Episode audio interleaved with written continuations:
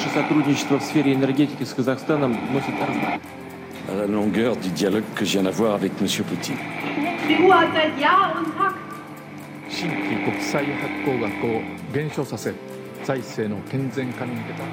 Símbolo del fascismo en Sudamérica.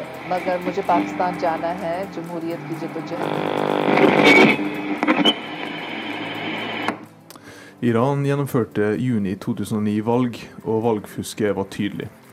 Igjen sitter Mahmoud Ahmedinejad som president, men den politiske krisa dette starta er fortsatt uavklart, og protestene blir bare sterkere og sterkere. Du hører nå på utenriksmagasinet MIR på Studentradioen i Bergen. I studio sitter Andreas Roaldsnes og Fredrik Sagafoss. Ja da, og dagens sending skal handle om Iran, og spesielt den politiske krisa de gjennomgår. Vi skal se nærmere på det politiske systemet, både tankegangen og det som faktisk er på plass. Vi har intervjua Iran-ekspert Kjetil Selvik eh, fra Universitetet i Oslo om vi virkelig kan påstå at det er mange paralleller mellom revolusjonen i 79 og situasjonen slik den er i dag. Det skjer veldig mye i Iran i dag. Det står en avgjørende strid i Iran i dag. Men det som mange kommentatorer overdriver, eller der man trekker litt raske slutninger, det er når man sier at nå står regimet for fall. Og Vi har også fått tak i eh, Mohammed Reza Haidari. Eh, Han er tidligere konsul ved den iranske ambassaden i Oslo, men han hoppa av i januar. Eh, Og vår medarbeider Åsgeir Kjetlen Rabben har spurt han om offer. After the presidential election, I saw the regime killed many people at the street, and they want only ask the regime, where is my vote? I Iran er ikke journalistikk så enkelt å drive med på daglig basis under det sittende regimet. Vi snakka med iranske bloggere i Utenriksmagasinet. I was in Iran in, during the election in, in 2009, and immediately, immediately after the election, uh, reporters were banned to report from street protests. And that was the bloggers of Iran who tried to, to report for the world, say what is happening in Iran. Men eh, før vi går videre til vårt hovedtema, så skal vi høre ukas låt her i Studentradioen i Bergen. Og denne uka er det Club 8 med Western Hospitality.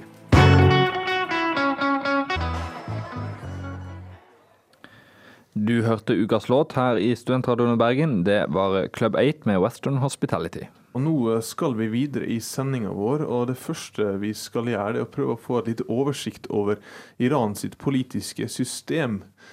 Eh, Når folk kritiserer Iran, så er det slik at du kan egentlig velge og vrake da, i hvilken del av det du skal eh, kritisere. Plutselig så er det et, eh, noen gale teokrater, et prestestyre, som sitter og terroriserer verden. Og så plutselig så kan man eh, kritisere dem for at eh, Irans president han har all makt og er despoten. Du Fredrik, du prøvde å gi oss en oversikt over hva som er hva i det iranske politiske systemet. I 1979 var det slutt på 2500 år med persisk monarki. Dette var året for den iranske revolusjonen, også kjent som den islamske revolusjonen. Shah Mohammed Reza Pahlavi blir kasta og går i eksil, og Iran gjenoppstår som en ortodoks islamsk republikk. Den iranske politiske strukturen har blitt kasta rundt, og det som oppsto, var et komplisert og unikt politisk system som kombinerer et klassisk tredelt demokratisk system med islamsk teokrati. Dette systemet fortjener en kort gjennomgang.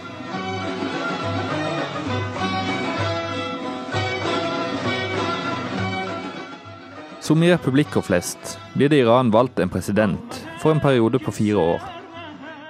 Landet har i tillegg et parlament, kalt Mailis, og en domstol. Republikkens president heter i dag Mahmoud Ahmadinejad, valgt i 2005 og gjenvalgt i 2009. Valget av president følges tett av internasjonale medier, da Iran er en innflytelsesrik stat i et konfliktfylt område, og utnevnelsen av landets utøvende makt kan ha store internasjonale konsekvenser. Men presidenten er ikke landets mektigste skikkelse, eller øverste leder. Han må godkjennes av og stå ansvarlig overfor Irans øverste leder. Den øverste leder av Iran heter i dag Ayatollah Ali Khamenei, som har sittet som leder siden 1989, da den daværende leder Ayatollah Khomeini døde. Khamenei var også president i Iran fra 1981 til 1989.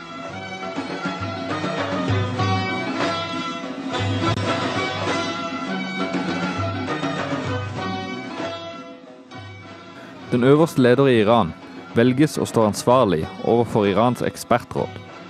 Dette rådet består av 86 geistlige, som velges direkte av folket for en åtteårsperiode. Dette rådets hovedoppgave er nettopp å utnevne og vurdere den øverste leder av Iran opp mot islamske regler. De har ikke måttet velge øverste leder mange ganger. Den øverste lederen sitter i utgangspunktet for livstid, og Iran har kun hatt to øverste ledere siden revolusjonen. Ayatollah Khamenei har makta i utvelgelsen av lederen for domstolen, øverstkommanderende for militæret, bønneledere og sjefene for mediene. Ramenei må også godkjenne vinneren av presidentvalget for at han skal kunne innta presidentsetet. I tillegg står han for den direkte utvelgelsen av halvparten av Irans vokterråd. Vokterrådet er en institusjon bestående av seks geistlige, valgt av Irans øverste leder, og seks jurister utpekt av lederen for domstolen. Disse har til oppgave å vurdere hvert enkelt lovforslag fra parlamentet opp mot islamsk lov. Vokterrådet har også makt til å nekte kandidater stille til valg, både til presidentstillingen, ekspertrådet og parlamentet.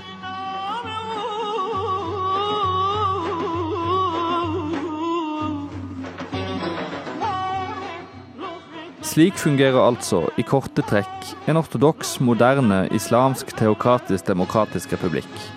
Iran består av demokratiske institusjoner som er under nøye overvåkning av gamle, konservative muslimske lærde.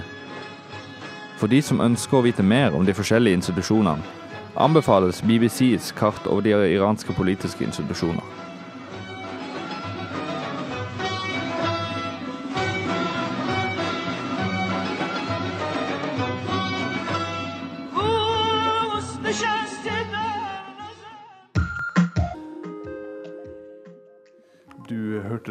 der Cuckoo med albumet Ringaling Ding, som er ukas album her på Studentradioen i Bergen. Sangen det var Planet P. Доброго дня! Сьогодні ми слухаємо з вами Мір радіо. Du hører altså på MIR på Studentradioen i Bergen.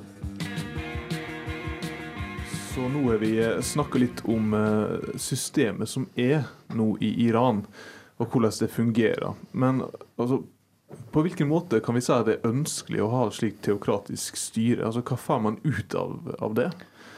Eh, Hva vil du si? Altså, Finner vi noe av det i verden for øvrig? Noen som har prøvd det her før? Ja, jeg er jo ikke helt sikker på hvordan om eh, dette iranske politiske systemet er unikt, men det, det, virker jo litt, det virker veldig spesielt, syns jeg. Den måten de har valgt å løse det på. Ja, det, det er jo en helt spesiell situasjon. Altså Det som er interessant, der, det er at det her er det eneste landet i Midtøsten som har klart Ja. gjort det her. Og um, det skjedde jo på 70-tallet, der det var en stor sånn uh, gjenoppblomstring av det islamske. Og det er jo helt klart at det er en stor reaksjon på det oversekulariserte samfunnet som Iran hadde på 70-tallet. Men at de faktisk gjorde det. Ja, At de fikk det til, eller at de greide å skape et fungerende i, Ja, det fungerer jo i og for seg. Ja, det fungerer jo i og for seg. Eh, Demokratisk eh, system eh, med så sterke religiøse institusjoner som ligger bak og overvåker det hele. Ja, nå fikk vi, jo, fikk vi jo eh, eh, I juni uh, i fjor da, fikk vi jo se at det kanskje ikke er så veldig demokratisk akkurat. Det. Jeg tror det, det bryter en del demokratiske prinsipp, da. Men du snakker jo om at, eh, at det er en del prinsipielt iallfall bygd eh, demokrati i Mm. denne her eh, i denne her politiske styreform her. Du har eh, det er ekspertrådet på 86 folkevalgte eh, eh, muslimske personer, altså folk som skal være eksperter i islam, Ja. som skal kontrollere. sant? De skal kontrollere ayatollah, eh, som er på toppen her. Eh, det er jo tydelig at, eh, at det er ikke gått så bra som man kanskje skulle ønske. da. Men så da er så spørsmålet hvor sterk leder ville man ha? Nei, det, nå sitter jo det, Et av problemene er jo det, tenker jeg, at eh, sitter, de sitter for åtte år, og nå, når nå sitter så, såpass konservativ gjeng som de gjør nå, så blir det veldig lite rom for noe som helst form for reform. Men du vet, hvis vi går litt over og ser på eh, et uttrykk som ofte har vært i media, spesielt i Norge og også i, i utlandet internasjonalt, så snakker man om at man ser så mange likheter mellom 79 og i dag. Det er et veldig spesielt, eh, et spesielt uttrykk. Hva er det som skal være det? Eh, Vi har da kontakta Kjetil Selvik ved Universitetet i Oslo for å prøve å få noe svar på det. Så du vil ikke være en av de som kaster veldig på, på den retorikken om, eh, om at, som knytter det her til revolusjonen i 79? Nei, det ble helt riktig konkludert. Fordi jeg tror det, det iranske samfunnet er veldig annerledes i dag enn det var på den tiden. Jeg tror det er en annen tidsånd. Ja, for at samfunnet da, eh, i 79, var noe helt annet. Du hadde et Iran som var eh, knebla hjemme. Du hadde et USA som eh, pressa dem maksimalt eh, utenfra. Og de eksporterte oljerikdommen sin til eh, ingen spesiell gevinst for eh, landets befolkning. Ja. Du har, føler jo riket har på en måte Pendelen har på en måte snudd den totalt, eller ja, gått så langt den kan i den andre retninga. Ja. Så du har jo det samme internasjonale presset, bare av helt motsatte Ja, sant. Men eh, nå kontrollerer også seg sjøl innenfra. Ja. Mm. Eh, nasjonalt styre. Eh, det er jo helt klart. Men, eh, men hva er det som hva er det som er store forskjellen her, da? Det er også et interessant spørsmål. Ja, jeg vil si Den aller største forskjellen på 1979 og i dag, det er at den grønne bevegelsen eh, ikke har noen revolusjonær ideologi.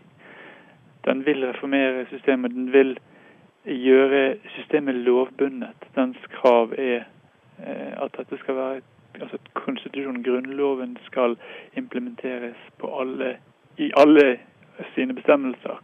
Ikke bare en selektiv implementering, sånn som de mener at det skjer i Iran i dag. og De har stort, altså veldig legalistiske krav. De er veldig lovorienterte. De vil at en stemme skal være en stemme. Altså, slagord som utløste den grønne bevegelsen var jo 'Hvor er stemmen min?' Altså, anklager om valgfusk i 2009. At man ikke hadde fulgt gjort dette etter, etter boken, så å si. Men på, aldri på noe tidspunkt har noen av disse lederne eller andre fremtredende ledere av den grønne bevegelsen eh, tatt til orde for revolusjon, dvs. Si å velte systemet. Det er Den største forskjellen ifølge Selvik, eh, Selvik da, er jo det at, eh, at man ikke har tatt til orde for revolusjon. Og Det ser vi jo også eh, veldig tydelig eh, når man faktisk undersøker materialet her. Men i norsk og, uten, og internasjonale medier så får man ikke helt det inntrykket. At eh, Der får man kanskje et inntrykk av at de ønsker mest ønsker en tabula rasa, eller for å oversette det, eh, rent bord. Og starte på nytt. Eh, men hva er det egentlig som ligger i naturen til denne, her, denne her grønne bevegelsen her, da? Det er også et spørsmål som er svært eh, interessant å svare på. Styresmaktene er jo veldig fragmenterte. Men husk at Det som er spesielt med den iranske situasjonen i dag, er jo at lederne for den grønne bevegelsen utgår av systemet. Lederne for den grønne bevegelsen, da tenker jeg på eh, Mirosein Moshavi, Mehdi Karoubi, Mohammed Khatami. Eh, dette alle personer som kommer fra systemet, som en del, har vært en del av systemet, og som nå framstår som de fremste lederne for en, sier, en demokratisk tolkning av systemet. De mener at de ser på altså Hvis du snakker om Mosavis eh, ideologi, f.eks., grunn til å regne Mousavi som den fremste led, ideologen for den grønne bevegelsen, så er jo hans poeng at dette systemet som du refererer til, det, det er et system som i utgangspunktet var et system som var skapt av folket, og som skulle gjenspeile folkets ønske om selvstyre. Da ytre selvstyre i forhold til eh, altså, ytre Å kunne være fri fra ytre innblanding fra USA og andre. Men også indre selvstyre i kraft av å bestemme sin egen, over sin egen skjebne. Og Det er det her Mosavi da mener at man i 1979 greide å oppnå det første selvstyret i forhold til ytre makter, men at man ikke folkets rett til indre selvstyre ikke ble anerkjent. Og at revolusjonen i så måte bare er halvveis gjennomført. At dette skulle være noe som skulle være en frigjørende revolusjon. Så det handler om helt forskjellig forståelse av hva den revolusjonen i 1979 handlet om. Og disse lederne for den grønne bevegelsen identifiserer seg fortsatt med revolusjonen, men de gir den en helt annen mening. Det, vi har jo da et, et, en opposisjon som ikke er en opposisjon egentlig, som er det samme utspring som de, de som sitter, men som har en litt annen tolkning av hva revolusjonen egentlig betydde. Ja, det er egentlig veldig spesielt å, å, høre om. For når vi ser bilder fra Iran, så ser vi bare et folkehav som vaier grønne flagg. og eh, som snakker om, eh, om og som kaster stein. Men så er det ingen som så er det, kommer det ikke like fort fram at eh, de er veldig konservative sjøl, de som Mm. styrer der. Og eh, når du hører Selvik her snakke om at det er en legalistisk eh, tolkning, at de ønsker faktisk å komme tilbake til, eh, til det vi hørte om i, i begynnelsen her, nemlig det, et politisk system som skulle være demokratisk. Mm. Og det har de altså ikke fått. Da har vi jo den revolusjonen fra 79, den lever fortsatt i de, den grønne bevegelsen. De mener bare at den er ikke ennå ferdig engang. Den er slett ufullstendig. Og spørsmålet er jo hvor mange Når man først har en sånn eh, en slik eh, splittelse, da, og en så sterk opposisjon, så er jo spørsmålet hvem som er mest samla, og hvor lenge de klarer å Altså hvor lenge klarer så her eh, demonstrantene her å fortsette presset. En ting som er interessant, som man kan trekke inn parallell til 79, det er at når først demonstrasjonene brøt ut i 79, så ble hele opplegget organisert rundt eh, en sørge, et sørgeritual i shia-islam. Og det var, det var slik da at når først mennesket døde i jeg tror det var Black Friday, eh, som var da et eh, drap Det var drap på demos, det muslimske demonstranter i Kom, altså da den der, eh, den der eh, La oss si Vatikanet i, Ja. Iran, slik sett. da, altså en, et religiøst eh, hovedsted. Eh, og så, eh, etter, de ble, etter noen døde, da, så samla jeg seg til eh, sørgeprosess på 40 dager. Og etter sørgeprosessen var ferdig, så brukte de da eh, fredagsbønnen, der de mintes disse her fallene, som et startpunkt for en ny demonstrasjon. Altså de, start, de tok det rett og slett til gatene. Og det her gjorde de igjen og igjen, og det for hver 40 dagers periode som gikk forbi, så ble de sterkere og sterkere. Det her var 79. Og det som er så morsomt, er at de gjør det samme i dag. Ja. De bruker, jeg tror, om ikke det er helt feil, så heter det sjuraen. Men når vi sitter her utenfra, så tenker vi kanskje at det er jammen kløktig at de snakker revolusjon sitt eget språk. Men da har vi tydeligvis glemt at det er jo re- revolusjon sine egne folk Ja. på toppen der. De eldste, eller de i den de levde og var med på revolusjonen i, i 79. Ja, Spørsmålet er jo da om hvor lenge klar, tror du jeg klarer å holde sammen denne bevegelsen her. Ja. Altså hvor lenge kan den holdes samla? Eh, jeg hadde jo mine tanker da om, eh, om at eh, sammenligninga med 79 og i dag kanskje var brukt mer som et, sånt, eh, som et våpen. At du prøvde å få en slags stemning om at det var revolusjonære tilstander i Iran. Eh, la oss høre hva Selvik har å si om det.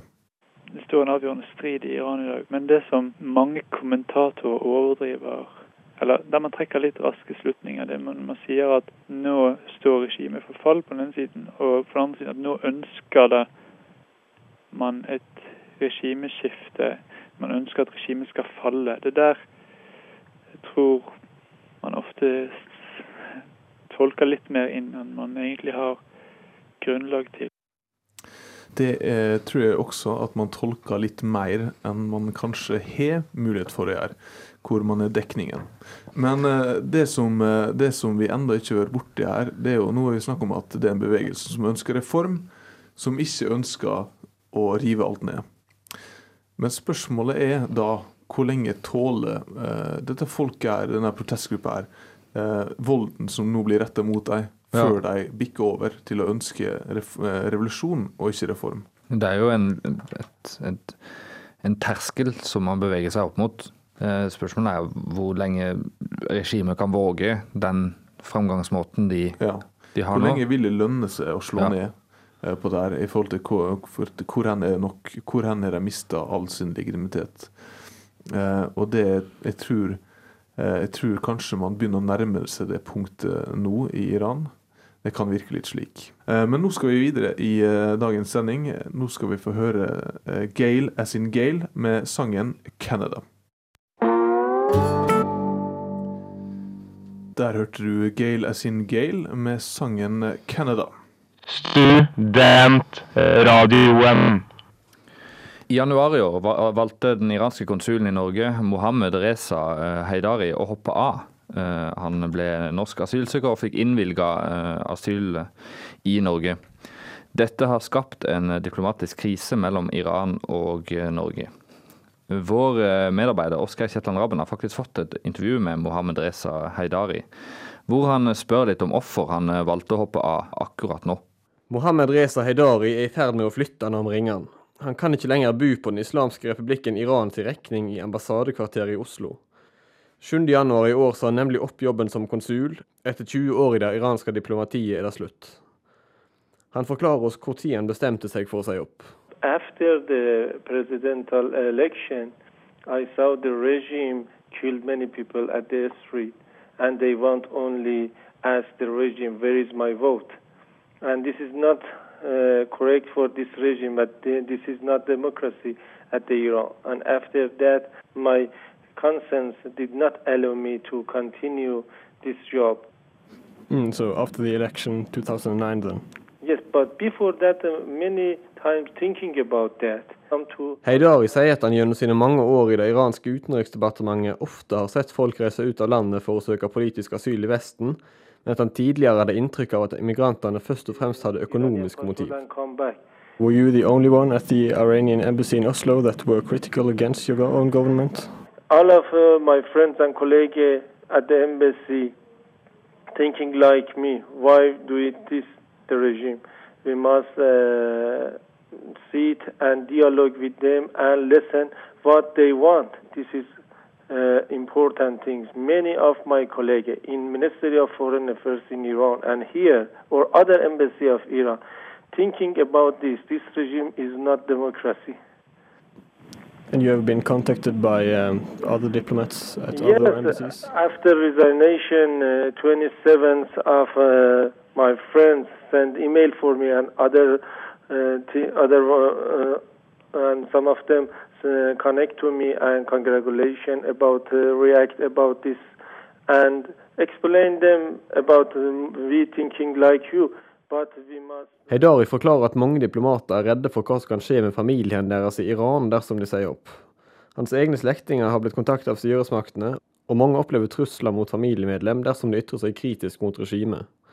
Men dersom vold mot opposisjonen holder fram, er han sikker på at mange vil følge hans eksempel.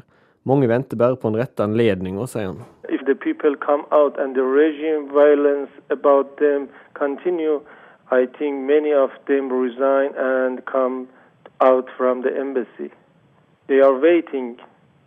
Uh, these days, Western leaders are talking about uh, imposing uh, some sanctions on Iran. What do you think uh, that, that could lead to? What do you think about that in general? If they want to sanction Iran, uh, this sanction must be about the leader of regime, not the Iranian people.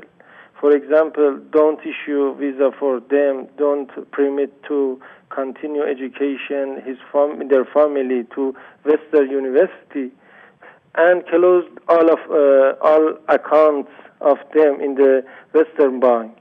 And uh, what do you think will come out of the current demonstrations that we see in uh, Iran? I think th- this is uh, con- this uh, continue. This demonstration is uh, mo- continue. Many people come out and against the regime have a protest. If a pre- uh, press from outside of Iran, the Western leader or Western country press the, from outside, and people continue the streak and the protester in Iran, I think they collapse this uh, present regime. In time nearby. I think after five or six months, this regime cannot continue with this kind of uh, role in Iran. All of the Iran, you see war about the democracy and freedom. And uh, do you think we will see much violence before this happens? Uh, if the regime accepted and come the, around the chair and have a dialogue with the opposition, I think uh, we cannot solve and change the constitution and have a referendum about this. This is uh, better for the regime and the opposition. But if the continue violence um, from regime to people uh, after five or six months, you you observe that Iran have a big problem. And I do think the Iranian leaders uh, now are trying to focus on international politics to distract the attention from the domestic problems? The Iranian leader mm, at this time want to solve the domestic problem, but they don't know how to should do. But I think reform will do to Iran better than the, all of the, this uh, collapse. Der hørte du Oskar Kjetland Rabben snakke med Mohammed Reza Haidari, eh, som da var tidligere konsul ved den iranske ambassaden i Oslo, men som hoppa av i januar pga. valget i juni. Å være presidentkandidat i USA krever en eh, hud så tykk at du ikke trenger ryggrad for å stå oppreist. Nå hører du på utenriksmagasinet MIR her på Studentradioen. Ja, du hører på utenriksmagasinet MIR, og vi snakker fortsatt om Iran, og har det som, eh, som vårt tema i dagens sending. For noen uker siden intervjua Hildegunn Marie Hånes Ruseth Mohammed Omer, en ung og prisbelønt journalist fra Palestina. Men hva gjør man når man ikke kan bruke de tradisjonelle mediene for å få fram sitt budskap, slik han gjorde? I Iran er det bloggere som er de viktigste eh, og virkelige journalistene og menneskerettighetsvokterne.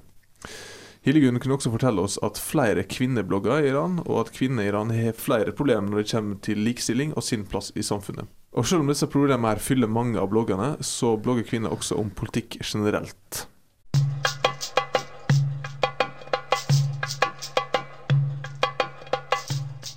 Jeg lærer at farsi er det nest største språket i bloggsfæren.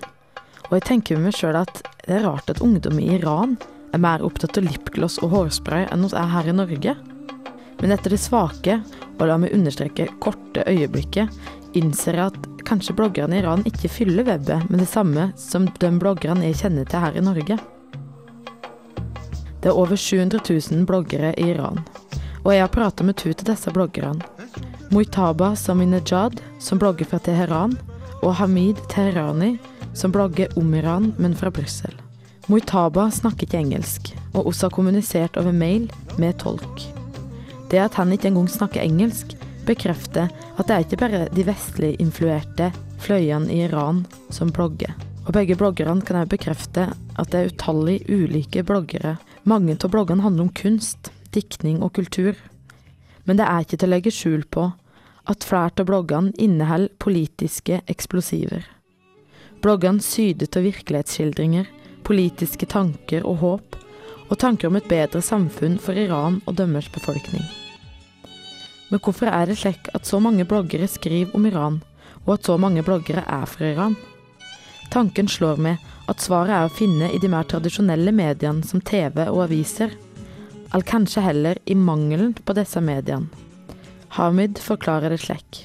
Iranian civil society activists had for years had only uh, blogs and internet in general as the only wind- window to communicate with outside world because uh, all media is has been under the control of the state and many journals and magazines got banned and many sites got filtered and of course journalists and bloggers were sent to prison.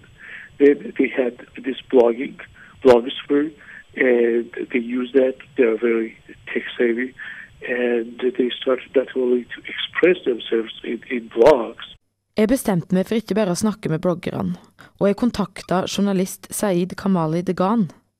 Han bekrefter det jeg trodde, at antall bloggere er i direkte link til reguleringa av pressa i Iran. Uh, many papers and many newspapers have been closed down, especially since the president Mahmoud Ahmadinejad took the office, especially when he took the office for the first time in 2005.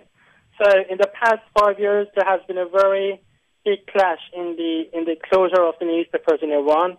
Almost uh, 30 newspapers have been banned since he came to the office, and and especially now since the disputed election in June, many other papers have been closed down. So this is exactly because of these regulations of the press. Iran skårer ikke høyt på lista over pressefrihet i verden, langt derifra.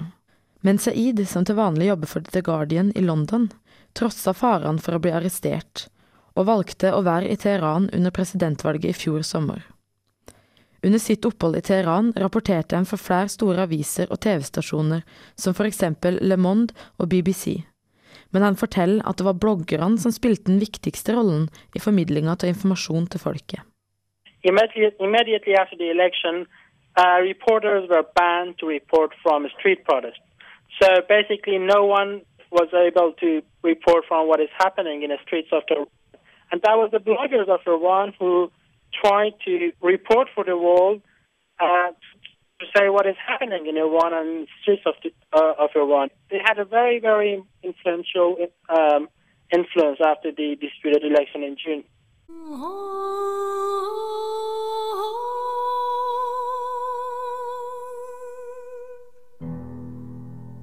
Men sjøl om bloggerne til en viss grad kan være vanskeligere å oppspore, og til og med kan velge å være anonyme, så er det flere av dem som òg er i stor fare i Iran. Muitaba, bloggeren jeg har maila med, har vært arrestert flere ganger og sittet til sammen over to år i fengsel.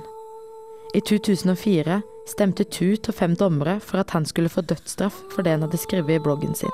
Angivelig fornærmelser mot profeten, men kanskje enda verre, fornærmelser mot styresmaktene.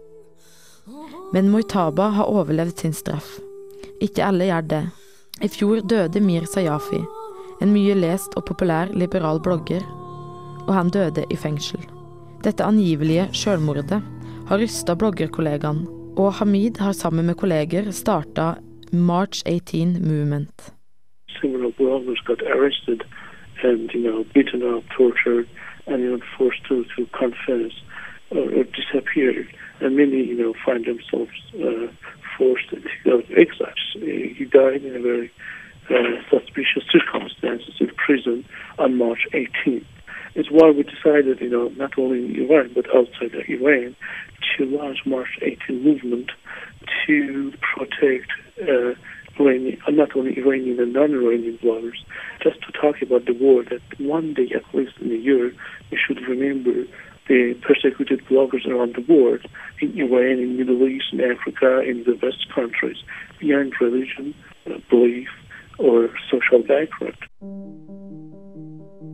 Når en hører hvor mye bloggerne ofrer for å få frem budskapet sitt, er det veldig viktig å avklare hvor avgjørende deres innsats egentlig er. Hvem når bloggene ut til, og hvilken effekt har dem? Hamid, Muitaba og Saeed er alle enige om at nei, blogging når ikke alle.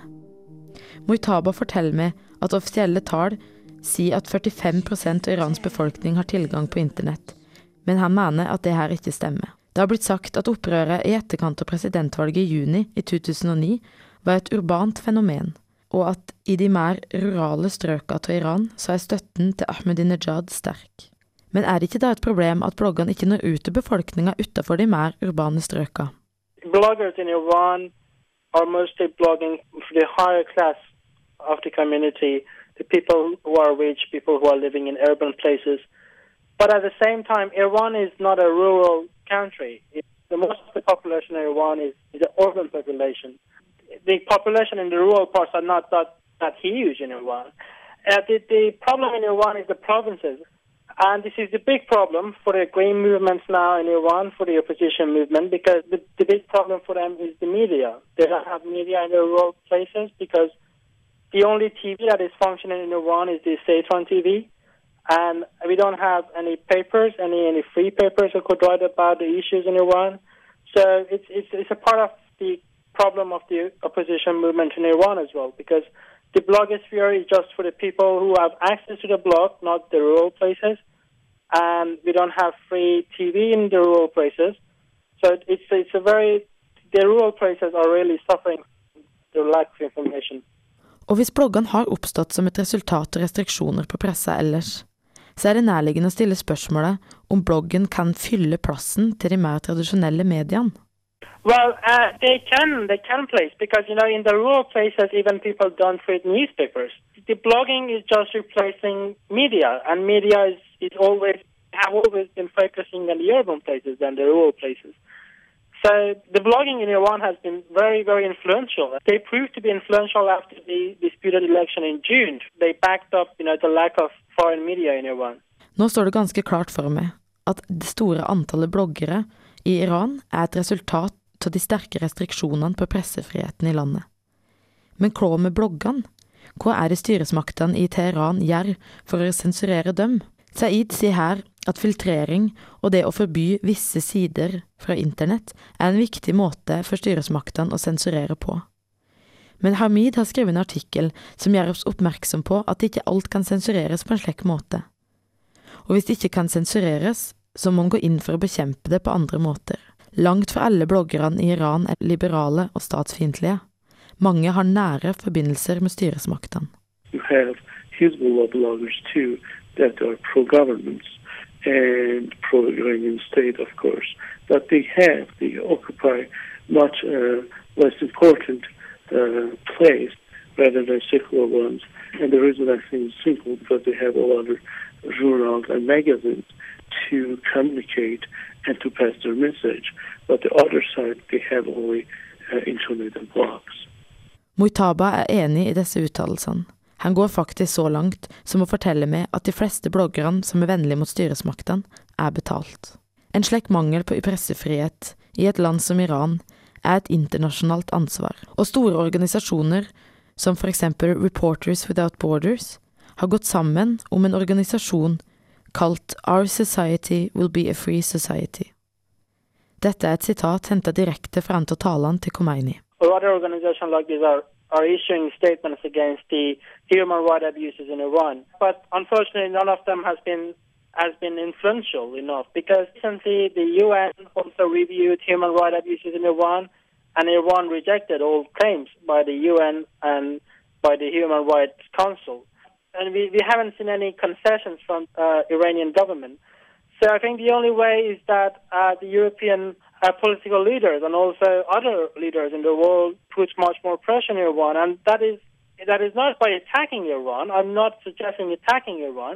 That is by you know the only way is just to do lots of you know international attention. Bare politisk press, og det fra Europa, kan gjøre situasjonen bedre for de titalls tusen journalistene, bloggerne og historiefortellerne som Hamid Saeed mener at og Muitaba, som ønsker å formidle sannheten om landet sitt.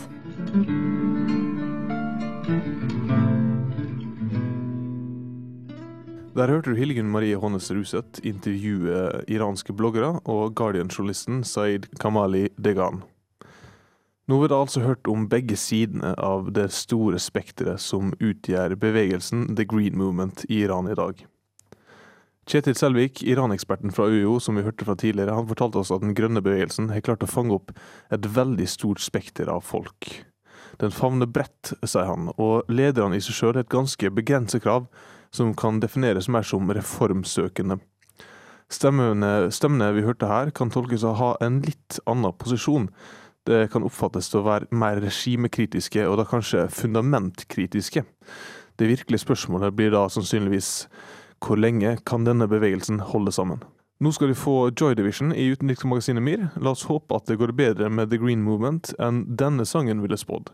Her kommer Love Will Tear Us Apart. Sendinga i dag går mot slutten. I dag har vi snakka om Iran her i utenriksmagasinet MIR, fra flere forskjellige synsvinkler. Du får høre om de konservative revolusjonsfødte lederne i The Green Movement. Du har fått høre fra en regimeinsider som har hoppa av etter nøy vurdering, og du har også fått høre fra de mest regimekritiske stemmene i grasrota i Iran. Vi har spesielt sett på det politiske systemet og hva vi kan forvente framover nå med protestene som ruller videre. Vi har også fått knust noen illusjoner, føler jeg i dag. Medvirkende til dagens sending det var Hildegunn Marie Hånes Ruseth og Oskar Kjetland Rabben. I studio satt Andreas Roaldsnes og Fredrik Sagafoss. Produsent i dag var Marius Kjørmo. Tekniker det var Andreas Roaldsnes. Det var det. Har du kommentarer til denne sendinga, så kan du sende en e-post på umir, krøllalfa srib.no. Og hvis du har lyst til å høre sendinga en gang til, så kan du gå inn på vår podkast på www.srib.no.